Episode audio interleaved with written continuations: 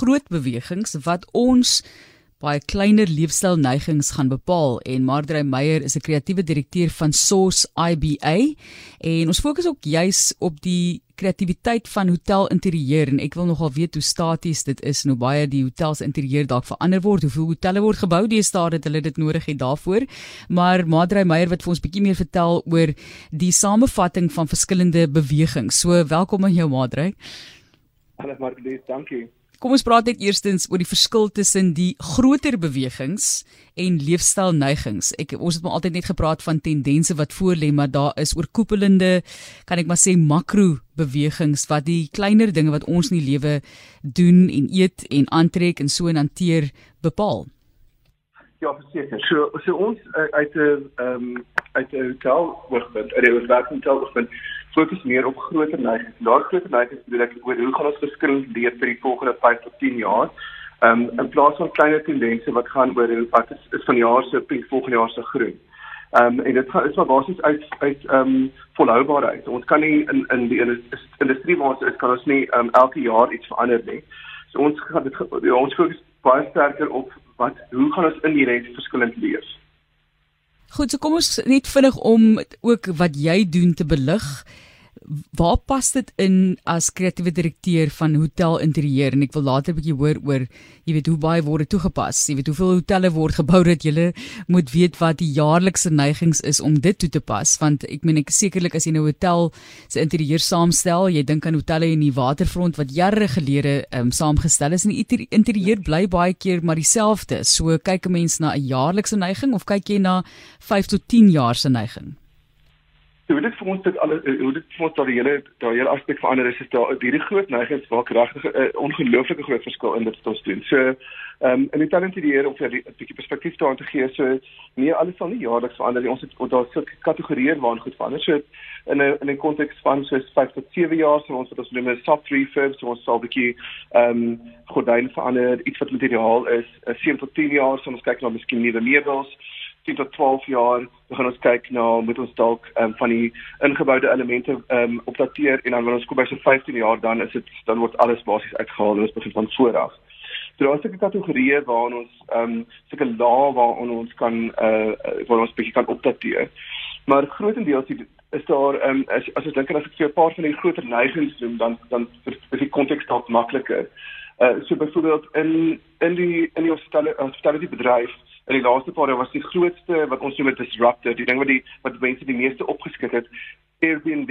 Ehm um, dat hoe mense in die rent reis en verwagting te bly, het heeltemal verander. Ehm um, dit het verander van iets wat wat wat uh, gebou word vir 'n redelike eksterne faktor. Uh, jy is in 'n in 'n 'n spesifieke plek um, net as 'n net as 'n buitestander E-, eerder as iets wat waar ons nou is, is dat die verwagting is iets baie intiem dat dit voel soos iemand sê dit voel wat baie vriend van my bly. Dit voel of ek deel is van die stad waar ek is dit voel of ek deel is van die plek waar ek is. So in daardie sin het dit verander dan vir ons 'n hele klomp goed van hoe hoe stel ons dit dieselfde kamer bymekaar um, as iets wat baie intiem en baie persoonlik voel Ons gesels oor daardie neigings wat voorlê. Het dalk nou al 'n paar idees gekry van wat is die leefstylneigings wat ons gaan ervaar. So, hoe pas julle dan nou daai bevindinge toe op die hotelbedryf, Madre? So, so hoe ons jy sien dit gaan uit die hotelbedryf Ehm um, ek dink almal dink dit gaan altyd net oor uh dat dat alles drip van goud en dit is tog net uh, dit is tog net te fancy vir woorde. Maar eintlik as uh ontwerpers in die hotelbedryf is die grootste ding wat ons ontwerp uh wat in 'n Engels 'n user experience. So dit is die ondervinding van die van die van die persoon daar binne. So ons dit gaan regtig oor daaroor dat ons vir jou um 'n omgewing skep waar ons vir jou 'n spesifieke emosie um lewer. So met ander woorde as jy sê as jy nou daar in die waterfront is, uh, verwag ons dat jy um selfs al is jy daar dat jy aan die einde van jou dag gaan sit en jy gaan uitkyk oor die see en daar is 'n bietjie rustigheid. So alles wat ons doen lei 'n storie tot by tot aan die einde van dit. As jy in die middel van 'n stad is, verwag jy iets anders as jy in 'n in 'n um as jy ja, because is iets heeltemal anders. So ons moet dan um alles inbring en wat ons doen is om daai ondervinding te bou rondom dit. So dit gaan oor wat wat moet hierdie spesifieke eiendom lewer as 'n ondervinding vir die persoon wat daar weggaan. As ek daar weggaan, ek maak my oë toe en ek vir iemand sê in een sin, ek het in hierdie hotel gebly wat is daai woord wat ons gaan gebruik? Wat is daai sin wat ons gaan gebruik? En dit is ons dan ons interieur bymekaar begin sit. So maar soos jy sê dit gaan meer as net 'n gunsteling kleur. Daar's ons elke jaar 'n nuwe kleur. Partykeer wonder ek oor daai kleur. Wie maak daai besluite? Want dit is die kleur wat ek wil aantrek of in my huis wil sit nie, maar dis hoe ek daaroor voel. Want jy sê die fokus is eintlik meer op denkprosesse wat ons direk gaan beïnvloed. Yes. Verseker absoluut verseker. So ek kan ek kan sommer dadelik ek dink ek gaan jy daar net 'n klein bietjie vooruit. Ek kan sommer so 'n paar van hulle vir begin doen dan sit dalk makliker in die plek. So byvoorbeeld op hierdie stadium is daar vir ons drie groot drie groot items wat ons fokus en van hulle van hulle is meer nie as ander. Ehm um, een van die groot uh bewegings wat al eintlik kom, dis al eintlik begin jare terug met ons met met die, met die groot uh ekonomiese crunch van 2008.